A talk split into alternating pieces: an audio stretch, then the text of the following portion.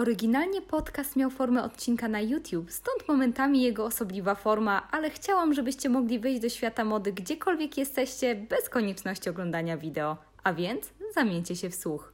Cześć! Kiedy ktoś zadaje mi pytanie, dlaczego założyłam kanał na YouTubie, oprócz przytaczania historii o modowych ciągotach kobiet w mojej rodzinie i opowieściach snutych przez rzeczy, z reguły mówię, przez zadawanie sobie pytania dlaczego w kontekście historii mody. I pomysł na ten nieco niecodzienny odcinek zawdzięczamy patronce kanału Freakery i bardzo utalentowanej artystce, mianowicie Marcie Chmiel, posługującej się bardzo wdzięcznym pseudonimem Pani Bebok. I w tym miejscu chcę zaznaczyć, że odcinek powstał dzięki wsparciu cudownych patronów i jeśli Ty masz ochotę dołączyć do ich grona i współtworzyć kanał, w opisie filmu znajdziesz linka do Patronite'a. A jeśli chodzi o formę odcinka, będzie on po po prostu odpowiedzią na różne pytania związane z historią mody. A może początkiem nowego cyklu. A jeśli chcecie dowiedzieć się więcej o guzikach, włosach i mężczyznach w modzie, o tym już za chwilę.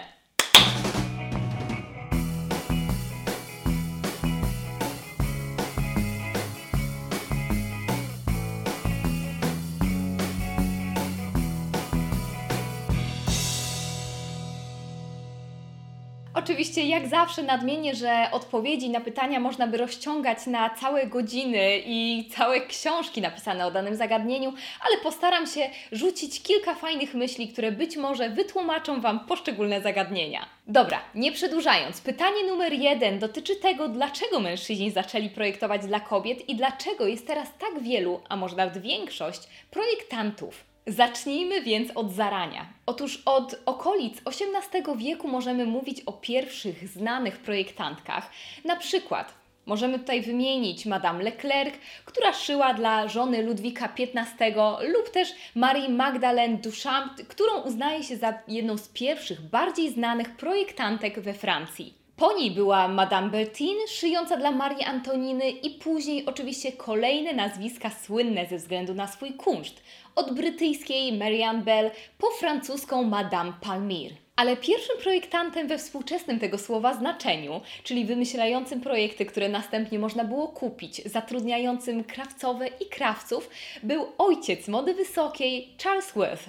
Worth działał w XIX wieku i jego kobiecym odpowiednikiem była Jeanne Paquin. Projektantka zdobyła międzynarodową sławę i za jej projektami również ustawiały się długie kolejki. I warto jeszcze tutaj nadmienić, że podział na modę wysoką i ready to wear jest stosunkowo nowym wymysłem i możemy sobie zaparkować ten rozdział na okolice lat 20. XX wieku. I ten podział spowodowała potrzeba szybszej mody, łatwiej dostępnych ubrań, a także ubrań, które miały łatwiejszą, bardziej wygodną konstrukcję w porównaniu do Belle Époque. Narodzący się wówczas koncept mody gotowej miały wpływ oczywiście również względy ekonomiczne, łatwiejsza dostępność maszyn do szycia, standaryzowanie się rozmiarów, a także na przykład wielka popularność katalogów z gotowymi wykrojami strojów. Wcześniej moda polegała głównie na zdolnych dłoniach szwaczek i artystach projektujących dane stroje na zamówienie. Ze względu na to indywidualne i dopracowane spojrzenie, oczywiście wieść o projektujących się niosła, ale nie ma co tego porównywać z momentem, kiedy prasa miała ogromne znaczenie, wydawana była w coraz większych nakładach, coraz szybciej i można było rozprzestrzeniać te nazwiska nieco bardziej. Nie mówiąc już o tym, kiedy w butikach można było nabyć gotowe rzeczy. I tutaj ciekawostka z przyszłości, czyli pierwszym butikiem, gdzie można było kupić już gotowe, odszyte ubrania, był butik Yves Saint Laurent z roku 66. No dobrze, ale do rzeczy, czyli do sedna tego pytania, co z tymi mężczyznami i z kobietami? No bo tak, idąc po chronologicznej drabinie, z jednej strony był Poiret i Patou, a z drugiej strony Chanel i Lanvin. Z jednej strony mamy Diora, Givenchy i Balenciagę, a z drugiej strony mamy Schiaparelli, Vionet czy Ricci. Z jednej strony był Yves Saint Laurent i Cardin, a z drugiej Quant i Hulanicki. Z jednej Kenzo, a z drugiej Rykiel. Po co to zestawienie? Po to, żeby pokazać, że na każdego projektanta można wymienić inną, równie ważną projektantkę w danej dekadzie tym, że większość osób spytanych o słynnych projektantów wymieni głównie mężczyzn. Wiem, bo sprawdziłam w swoim najbliższym otoczeniu i jedynym człowiekiem, który udzielił odpowiedzi, która uwzględniała większość kobiet, był Maciej i nawet wspomniał o Kawakubo, czyli moje lekcje na coś się przydają. I procentowo wciąż mamy więcej projektantów niż projektantek. Dlaczego? No właśnie, bo lata 20 i lata 30 uznaje się za złoty czas dla projektantek. Ich głos uznawano za najważniejszy, kiedy wszystko przewracało się do góry nogami. A co było później? Później mówi się, że znowu następowała chęć powojennego wtłoczenia kobiet w ich tradycyjne role, a modę przejmowały koncerny, wielkie firmy, których oczywiście w zarządach zasiadali mężczyźni. I kiedy wraz z upływem lat moda zamieniała się w coraz większy biznes, szczególnie możemy tutaj mówić o latach 70. wzwyż, pokazy mody zamieniały się w wielkie show, w którym prym wiedli mężczyźni. Skoro liczył się rozgłos, mężczyźni zyskiwali poklask za odwagę i spektakularne projekty, a kobiety najczęściej za funkcjonalność. I tak przed Marią Gracją Curie z Diora tylko cztery z kilkunastu tych najbardziej znanych było zarządzanych przez kobiety. Główne wytłumaczenie najczęściej opierane jest na trwających latami zaszłościach związanych z nierównymi szansami kobiet, jeśli chodzi o tworzenie własnych biznesów. To mężczyźni często stali za techniczną i finansową strukturą domów mody, no a kobiety zajmowały się artystyczną stroną, projektu mm, lub też faktycznym szyciem. Projektantki bardzo często nie były już dopuszczone do tej części biznesu, która wymagała znajomości w męskim, zarządczym świadku. Chociaż oczywiście pojawiają się jeszcze inne głosy, takie jak na przykład ten Toma Forda, który stwierdził, że mężczyźni są bardziej obiektywni, jeśli chodzi o projektowanie rzeczy dla kobiet, ponieważ nie są obarczeni e, krzywdzącym często spojrzeniem na własne ciało. Oczywiście pojawiają się stereotypowe głosy, które mówią o braku chęci rywalizacji przez kobiety oraz braku chęci podejmowania ryzykownego myślenia, ale, ale nie. Tutaj ponownie musimy skupić się po prostu na latach zaszłości, jeśli chodzi o same struktury domów mody. To branża wymagająca ogromnego poświęcenia, a konkurencja nie ułatwia przebicia szklanego sufitu. Rodzinne decyzje są oczywiście dalej rozpatrywane bardzo często zero-jedynkowo. I tutaj warto wspomnieć jako ciekawostkę ukłon domu mody Celine w stronę wówczas stojącej na jego czele Phoebe Philo, która była w zaawansowanej ciąży w sezonie jesień-zima w roku 2012 i wówczas pokaz po prostu się nie odbył. No i możemy sobie teraz gdybać, dlaczego tak, a nie inaczej wyglądają sytuacje w niektórych domach mody, ale może skupmy się na liczbach, bo one najczęściej nie kłamią. Żeby odcinek się nie zdezaktualizował, nie skupimy się na liczbach z tego roku, ale z roku 2005, bo wówczas nastąpił czas pewnego przełomu po tym, jak New York, New York Times wypuścił pewien przełomowy artykuł. Artykuł ten wykazał, że nagrody przyznawane przez Stowarzyszenie Amerykańskich Projektantów trafiły w liczbie 29 do mężczyzn, a jedynie 8 do kobiet. I kiedy artykuł wywołał już niemały szum, socjolożka Alison Stokes sprawdziła to nieco głębiej.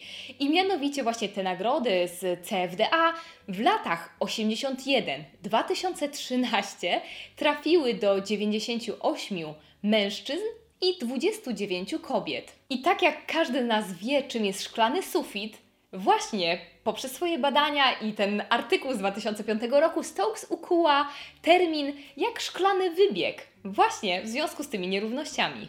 Idąc dalej, socjolożka przekopała ponad 100 artykułów i 157 wpisów poświęconych projektantom na Wokpedii i doszła do wniosku, że problemem również było to, że nie było jasnych jakichkolwiek kryteriów, które należałoby spełnić, aby zostać uznanym za najlepszego projektanta. A wiadomo, że jak nie ma jasności i pewności, ludzie bardzo często uciekają się do stereotypów. Wokpedia opisywała zupełnie inaczej projektantki, czyli na przykład Sonia Rykiel, jej projekty są wygodne. Donna Karan ma solidne projekty, gdzie Ford był na przykład Flaubertem mody. Projektantów określano jako zdecydowanych dyktatorów, a w przypadku kobiet to odbiorcy często nadawali ubraniom znaczenie. Czy coś się zmienia? Otóż od słynnego artykułu w New York Timesie w 2005 roku wielu odbiorców uważa, że dochodzi do rewolucji i odejścia od efekciarstwa i większego utożsamiania się odbiorczyń z projektantkami. Za jeden z argumentów uznaje się ten, że to są rzeczy, które kobiety faktycznie chciałyby nosić. Są to rzeczy praktyczne na lata, oczywiście sygnowane znanym nazwiskiem. I takim świetnym przykładem może być Filo właśnie za czasów Selini, w ogóle jej postać. Mamy też silne ramię młodych brandów, które rosną w siłę dzięki social mediom. Tu nie potrzeba wspinania się po drabinie.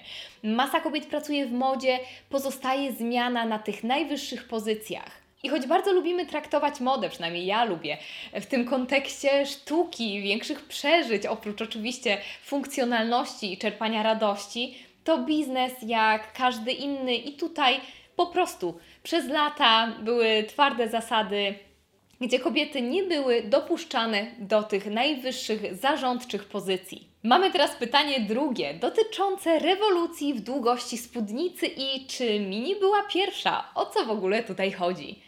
I tak, po raz pierwszy kostki pojawiły się już w XVIII wieku, kiedy suknie były nieco krótsze i pokazywały nogi kobiet, ale oczywiście były one w pończochach i nie była to na pewno mini. Moda karmi się zmianą, sukienki flaperek, bogactwo materiałów New Looku i mini lat 60. Jak pisał The Times w artykule Up, Up and Away, nigdy wcześniej, przed latami 60., nie było rewolucji tak mocno wymierzonej w starą generację projektantów, gdzie moda nie miała na celowniku luksusu i elegancji, ale po prostu dobrą zabawę, radość i wygodę. Tutaj dobrym przykładem będzie porównanie niektórych projektów Balenciagi z lat 50. i z lat 60.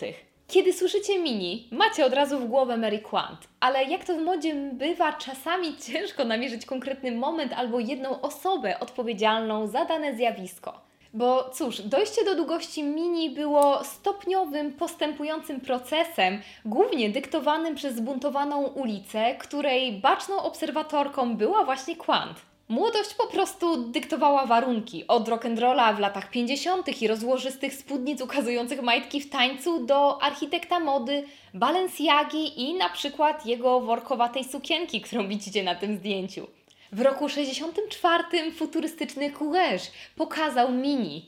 Ale właśnie, jeśli chodzi o Quant, kwestią jej popularności i tego, że kojarzymy ją z Mini, była również dostępność, przystępność wielu jej projektów. Projekty wydawały się nastoletnie, namacalne, szczególnie gdy wypuściła Ginger Collection, która była masowo produkowana i tańsza. I dopiero w roku 66, kiedy ten Youthquake był w pełni rozkwitu mini, stała się faktycznie krótka, czyli sięgała gdzieś przed połowę uda. I tutaj faktycznie możemy ukłonić się jerseyowym sukienkom Quant. Jednym z najsłynniejszych modeli tych sukienek była Banana Split Dress. I od połowy lat 60. możemy mówić o prawdziwej obsesji na punkcie mini, szczególnie kiedy w roku 65 e, słynna modelka Jean Shrimpton pojawiła się w mini, nie nosząc jeszcze kapelusza rękawiczek oraz nie mając na sobie rajstop, a w roku 68 Jackie Kennedy miała na sobie mini na swoim ślubie. Tu warto zaznaczyć, że Rudy Genreich, to możecie pamiętać go z odcinka o kostiumach kąpielowych, był odpowiedzialny za propagowanie mini wśród amerykańskich odbiorców. I co ciekawe, francuski Vogue wspominał, że nikt nie uwolnił kobiecego ciała dokładnie tak jak on. I pomimo szoku starszych osób, Mini weszła na dobre do mody od okolicy roku 68, współistniejąc również z Midi oraz z Maxi. I tutaj jeszcze taka humorystyczna ciekawostka, ponieważ w roku 66 zawiązało się nawet w Wielkiej Brytanii Towarzystwo na Rzecz Ochrony Mini, które protestowało przed siedzibą Diora, dowiadując się o tym, że zaprojektował nieco dłuższe sukienki. Ale mamy teraz rok 1969 i rąbki sukien i spódnic są tak długie jak ostatni raz w roku 1914. I tak właśnie w latach 60. pojawiła się długość maxi. Za przyczynę upatruje się różnego rodzaju niepokoje związane na przykład z wojną w Wietnamie i modę, która zmierzała w stronę nostalgii. I tutaj warto wspomnieć o aspekcie ekonomicznym mini, który jest nierozerwalnie związany z indeksem długości spódnicy George'a Taylora. W skrócie, spódnice skracają się, kiedy mamy czas dobrobytu, a wydłużają się, kiedy ekonomia kuleje. Indeks na początku bazował na latach 20. i pokazywaniu jedwabnych drogich pończoch i latach 30., kiedy rąbki znowu opadły. Fashion Institute of Technology zauważa, że spódnice skracały się przez lata, ale dopiero w latach 60. w związku z właśnie całym ruchem na rzecz wyzwolonej młodości oraz pojawienie się pigułki antykoncepcyjnej, która była już tak mocno dostępna, po raz pierwszy mini zaczęto również wiązać z seksualnym wyzwoleniem. I tutaj warto zrobić przystanek, bo chichotem losu jest to, że przez lata spodnie były tym szokującym elementem garderoby, a teraz w wielu przypadkach spodnie uznawane są za bardziej nobliwy i profesjonalny wybór. I tak 10 marca obchodzony jest Dzień Spódnicy. To wiąże się nieco z filmem o tym samym tytule, żeby kobiety mogły na przykład zakładać spódnice w każdych warunkach. I historyczka Christine Bart wspomina, że to, co zostało zrobione dla spodni, powinno być teraz zrobione dla spódnic. Mianowicie ze spódnic powinno się zeskrobać te narosłe, wypaczone skojarzenia w momencie, kiedy spódnice w wielu krajach do dzisiaj są zakazane. Bo zakaz noszenia mini obowiązuje na przykład w niektórych krajach afrykańskich. A w ramach ciekawostki powiem, że dopiero w roku 2013 zniesiono martwy zakaz we Francji, który zakazywał noszenia kobietom spodni. Kolejne pytanie dotyczy włosów. Dlaczego stały się symbolem wolności i kiedy kobiety skróciły włosy? Otóż w książce Hair, A Human History przeczytamy, że włosy nie są tylko włosami, są komunikatem dotyczącym religijności, zdrowia, seksualności i władzy. I jak pewnie pamiętacie z poprzedniego odcinka o biżuterii z włosów, Włosy, szczególnie w przypadku kobiet, bardzo często były rozpatrywane właśnie w kontekście zamożności i zdrowia, bo bardzo długie włosy były zbytkiem, na które nie każdy mógł sobie pozwolić. I włosy były rozpatrywane w kontekście schludności i ujarzmienia, kiedy były zebrane we fryzurę, ale w kontekście rozwiązłości, dzikości, namiętności, seksualności, kiedy były rozpuszczone. Długie włosy były przymiotem kobiecości dużo bardziej niezmiennym niż na przykład ideały ciała. W XX wieku, tuż przed wielką przemianą lat 20., mamy miękkie, piętrzące się upięcie Gibson Girls. Potrzebne były też osoby pomagające w dbaniu o takie włosy. I The Time mówi, że nieprzypadkowo właśnie w latach dwudziestych nastał Bob jako odrzucenie również bycia kobietą zależną od pomocy domowej. No dobrze, więc kiedy zaczęła się wielka przemiana i weszły krótkie włosy, jeśli chodzi o kobiety, podobno wraz z rokiem 1915, ale jeszcze nie w formie Boba, kiedy słynna tancerka Irene Castle ścięła swoje włosy i wówczas Vogue stwierdził, że ta moda raczej się nie przyjmie i jak bardzo się mylił. Kto był odpowiedzialny za Boba? Tutaj warto zatrzymać się przy Antonim Cierplikowskim, który rewolucjonizował fryzjerstwo od początku XX wieku, kiedy to pojawił się w Paryżu. Poza ścięciami był również nowatorski pod względem higieny, namawiając na przykład do częstego mycia włosów. I to on był odpowiedzialny za ścięcie na pazia słynnej aktorki Yves Lavalier, czerpiąc zresztą inspirację z samej Joanny Dark. I czy wszyscy przyklaskiwali tej fryzurze od razu? Oczywiście nie. Wystarczy tutaj przypomnieć opowiadanie Fitzgeralda Berenice Bob's Her Hair z roku 1920. Po ścięciu swoich włosów bohaterka staje się niemal wyrzutkiem społecznym, a w życiu prawdziwym wielu fryzjerów odmawiało kobietom na tym początkowym etapie, kiedy to był taki szok i skandal, ścięcia włosów na tak krótką fryzurę. I tutaj jest taki piękny, buntowniczy twist, bo męskie zakłady fryzjerskie już tego nie odmawiały, więc kobiety szły do męskich zakładów i łamały kolejne. New York Times z roku 1920 wspomina nawet o epidemii lewych diagnoz lekarzy, którzy stwierdzali różne choroby powodujące wypadanie włosów i wtedy kobiety na przykład w domach, gdzie nie było to akceptowalne, mogły po prostu usprawiedliwić taki krok. Samo ścięcie włosów było szokująco nowe, ale szło ręka w rękę z całą resztą zmian, która dopełniała ten obraz, czyli z nagimi kolanami, makijażem, paleniem i trójkątną, chłopięcą sylwetką. I tak na zawsze od tego momentu krok jakim jest ścięcie włosów, zaczęto wiązać z buntowniczą naturą albo z jakimś bardzo ważnym, przełomowym wydarzeniem w życiu. Mówimy tu na przykład o kinie. I tu warto zacytować aktorkę Mary Gordon, która w roku 27 powiedziała, że pozbycie się obowiązku noszenia długich włosów jest dla niej po prostu kolejną formą zrzucenia kajdan na drodze do wolności kobiet, jakkolwiek małe się to nie wydaje. Wiele kobiet przed radykalnym ścięciem włosów wcześniej upinało włosy tak, żeby przypominały jedynie krótką fryzurę, czyli tutaj używały wsówek, no i już wiecie skąd angielska nazwa bobby pins. Kiedy Mary Pickford ścięła swoje słynne loki, pojawiła się na okładce Timesa i tak przez lata 20 w Vogue'u Bob pojawiał się nieustannie. Później już nie. Więc co się stało i kiedy powrócił? Lata 60. wywracały wszystko do góry nogami. Mężczyźni zapuszczali włosy, co również rodziło przemoc, co obrazują filmy takie jak na przykład Easy Rider czy Alice's Restaurant. Jeśli chodzi o kobiety, kobiety potrafiły te włosy ścinać i tutaj warto przypomnieć sobie Vidala Sassoon. Więc z jednej strony jest pięciowierzchołkowa fryzura Vidala Sassoon, a z drugiej strony ta sama długość włosów zarówno dla kobiet, jak i dla mężczyzn.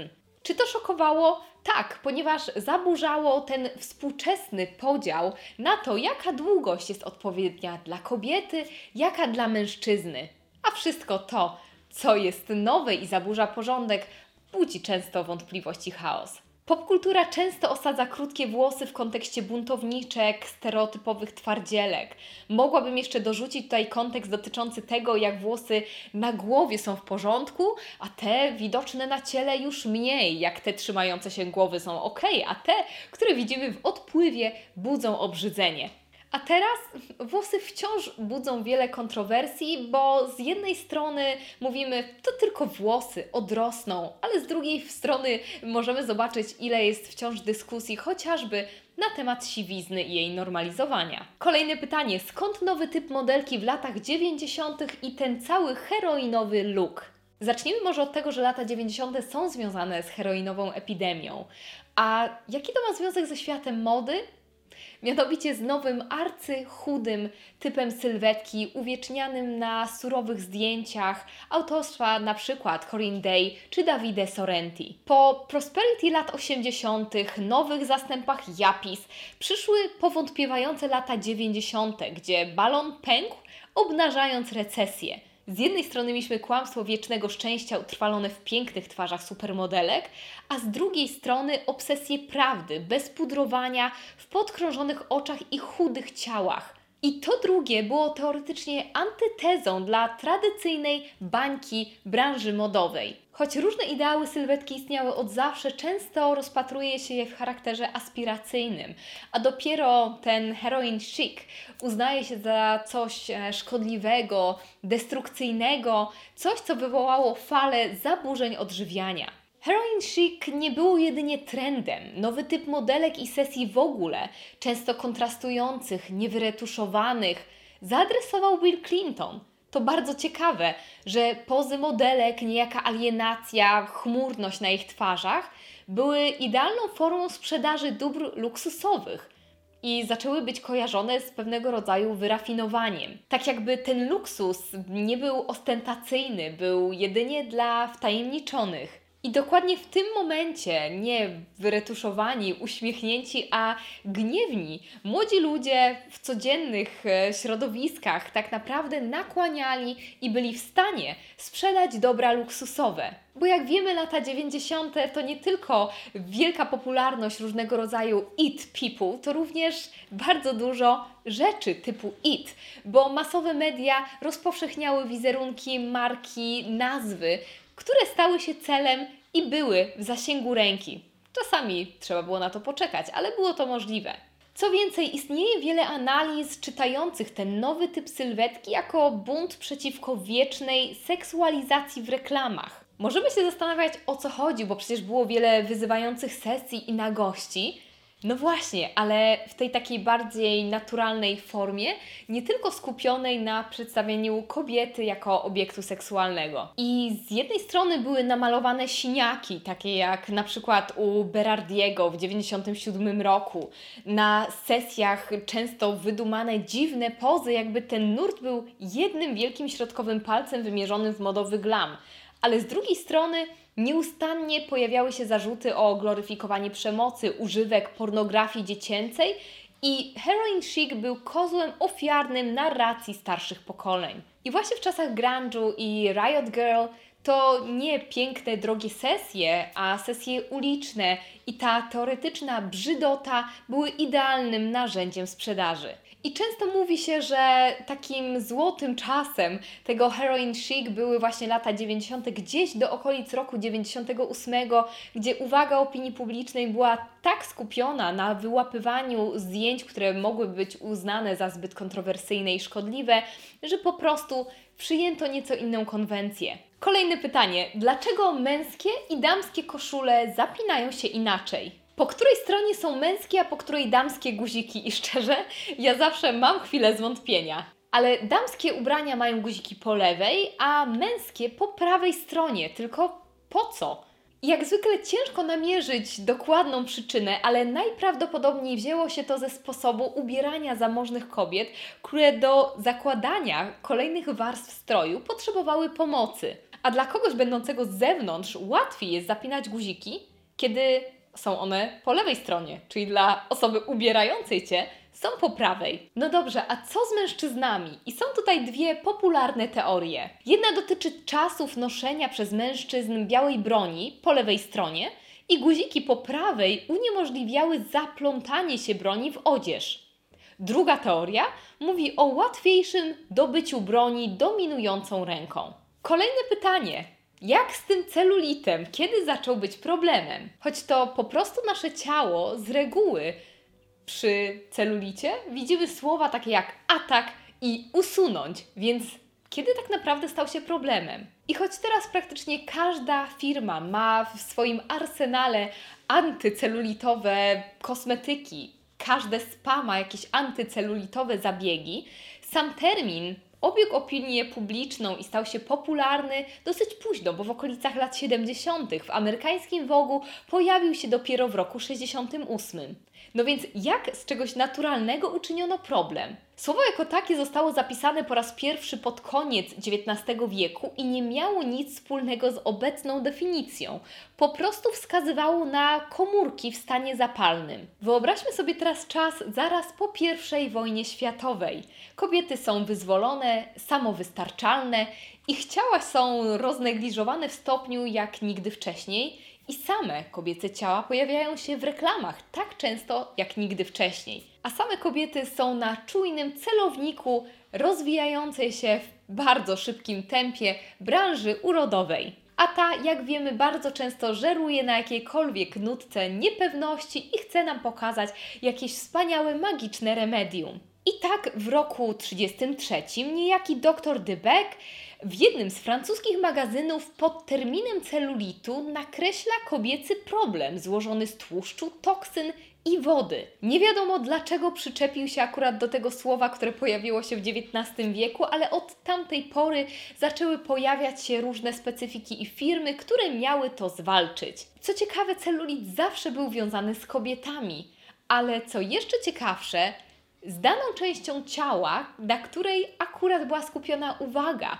Czyli tak jak teraz z reguły mówimy o na przykład pośladkach, udach czy brzuchu, w latach dwudziestych w Marie Claire pojawiały się artykuły dotyczące celulitu, który miał być niby na szyi kobiet, ponieważ boby po prostu ją pokazywały. No i tak, tak to się właśnie zaczęło, a to po prostu ciało. I tak dobrnęliśmy do naszego ostatniego pytania, czyli dlaczego na białą podkoszulkę mówimy tank top albo tfu, żonobijka? To ciekawe pytanie i musimy tutaj odnieść się do anglojęzycznej terminologii. Bo tak jak wcześniej kostiumy kąpielowe nazywano swimming suits od swimming pools, tak jeszcze wcześniej nazywano ym, właśnie baseny tank pools, a same kostiumy kąpielowe tank suits. No i taka właśnie nieskromna góra była częścią stroju kąpielowego, a później częścią odzieży sportowej i powoli wchodziła do mainstreamu. Ale do niego weszła na dobre dopiero dzięki Brando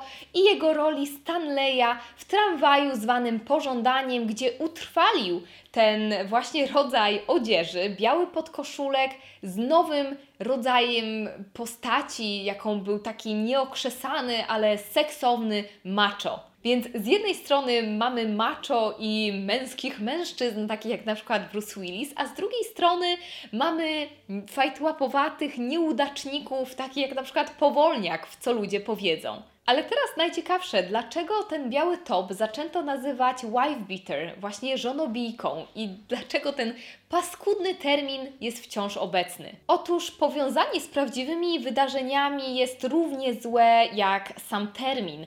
Otóż w roku 1947 James Hartford Jr. z Detroit został aresztowany za pobicie swojej żony na śmierć w białym, poplamionym tanktopie z podpisem The Wife Beater. I tak właśnie stało się symbolem takiej bezsensownej siły, ale przy tym degeneracji i warto ten termin zakopać tam, gdzie trzeba. I tak to wszystko w tym innym odcinku. Jestem bardzo ciekawa, co sądzicie o tej formie, która nie dotyczy jednego tematu, ale dotyka tak naprawdę różnych. Czy mamy z tego uczynić cykl?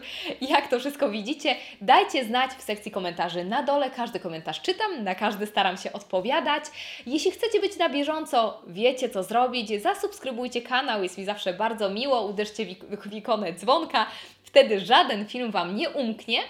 Nieco częściej daję znać, co u mnie słychać na Instagramie, a my widzimy się już przy okazji kolejnego odcinka Freakery. Do zobaczenia!